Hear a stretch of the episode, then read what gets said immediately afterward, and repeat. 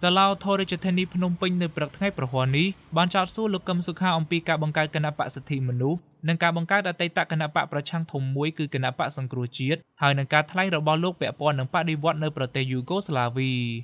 នាយកគ្រប់គ្រងកិច្ចការទូតនៃអង្គការការពារសិទ្ធិមនុស្សលីកាដូលោកអំសំអាតដែលតាមដានសវនកម្មនេះប្រាប់អ្នកកាសែតនៅក្រៅសាលាឧទ្ធរភ្នំពេញកាលពីព្រឹកថ្ងៃប្រហ័សថា លោកកឹមសុខាត្រូវបានចោទសួរឡើងវិញអំពីប្រវត្តិនយោបាយរបស់លោកនិងការបង្កើតគណៈបក្សសិទ្ធិមនុស្សក្នុងសវនកម្មលើកទី3លើបណ្ដឹងសារទុករបស់លោកអញ្ចឹងលើកទី3នេះគឺមាននីតិវិធីឬដំណាក់កាលគឺដំណាក់កាលនៃការបង្កើតគណៈបក្សសិទ្ធិមនុស្សហើយនឹងគណៈបក្សសង្គ្រោះជាតិទេអញ្ចឹង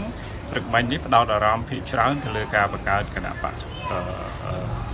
អឺសិទ្ធិមនុស្សនឹងហើយសួរពីរចនាសម្ព័ន្ធនៃគណៈបក្សសិទ្ធិមនុស្សហើយមាន អង្គការសង្គមស៊ីវិលណាចូលរួមក្នុងគណៈបកហើយមានមកពីអ្នកខាងណាខ្លះអីចឹងទៅគឺមានការដេញដោលគ្នានៅក្នុងរចនាសម្ព័ន្ធហើយនឹង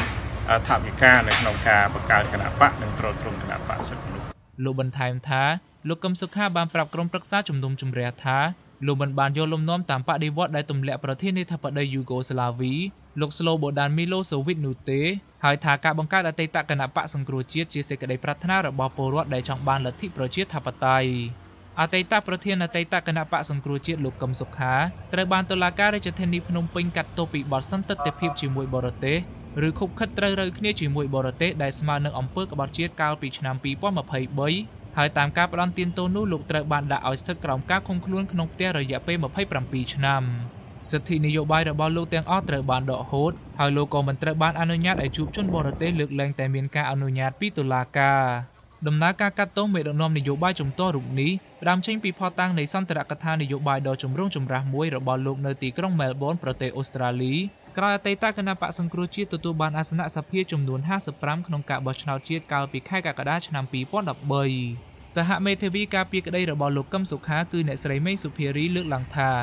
លោកកឹមសុខាធ្វើនយោបាយទៅតាមគោលគំនិតរបស់លោកដែលមិនបានយកលំនាំតាមចលនាបដិវត្តណាមួយនោះទេ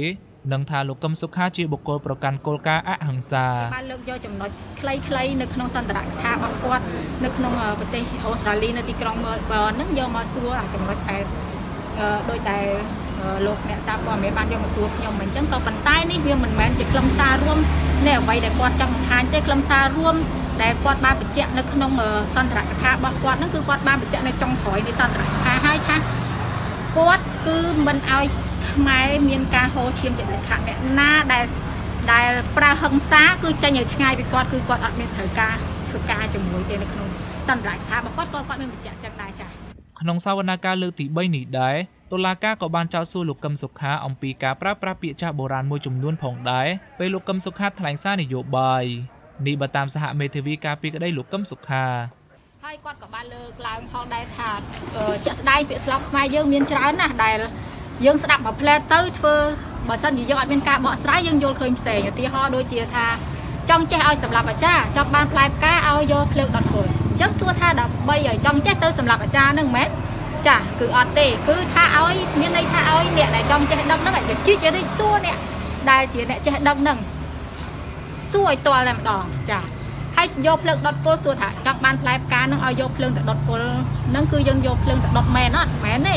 គឺឲ្យយើងស្រោចទឹកដាក់ជីថែទាំអីទៅណាឈុំច្រែងគល់ហ្នឹងទៅណាដើម្បីឲ្យបានផ្លែបានផ្កាគឺក្នុងន័យបែបហ្នឹងចាអញ្ចឹងយើងមានការបកស្រាយទៅវាយល់គ្នាអញ្ចឹងចាបើយើងស្ដាប់ផ្លែតយើងអត់មានការបកស្រាយគឺអាចមានការភ័ន្តច្រឡំណាមួយចា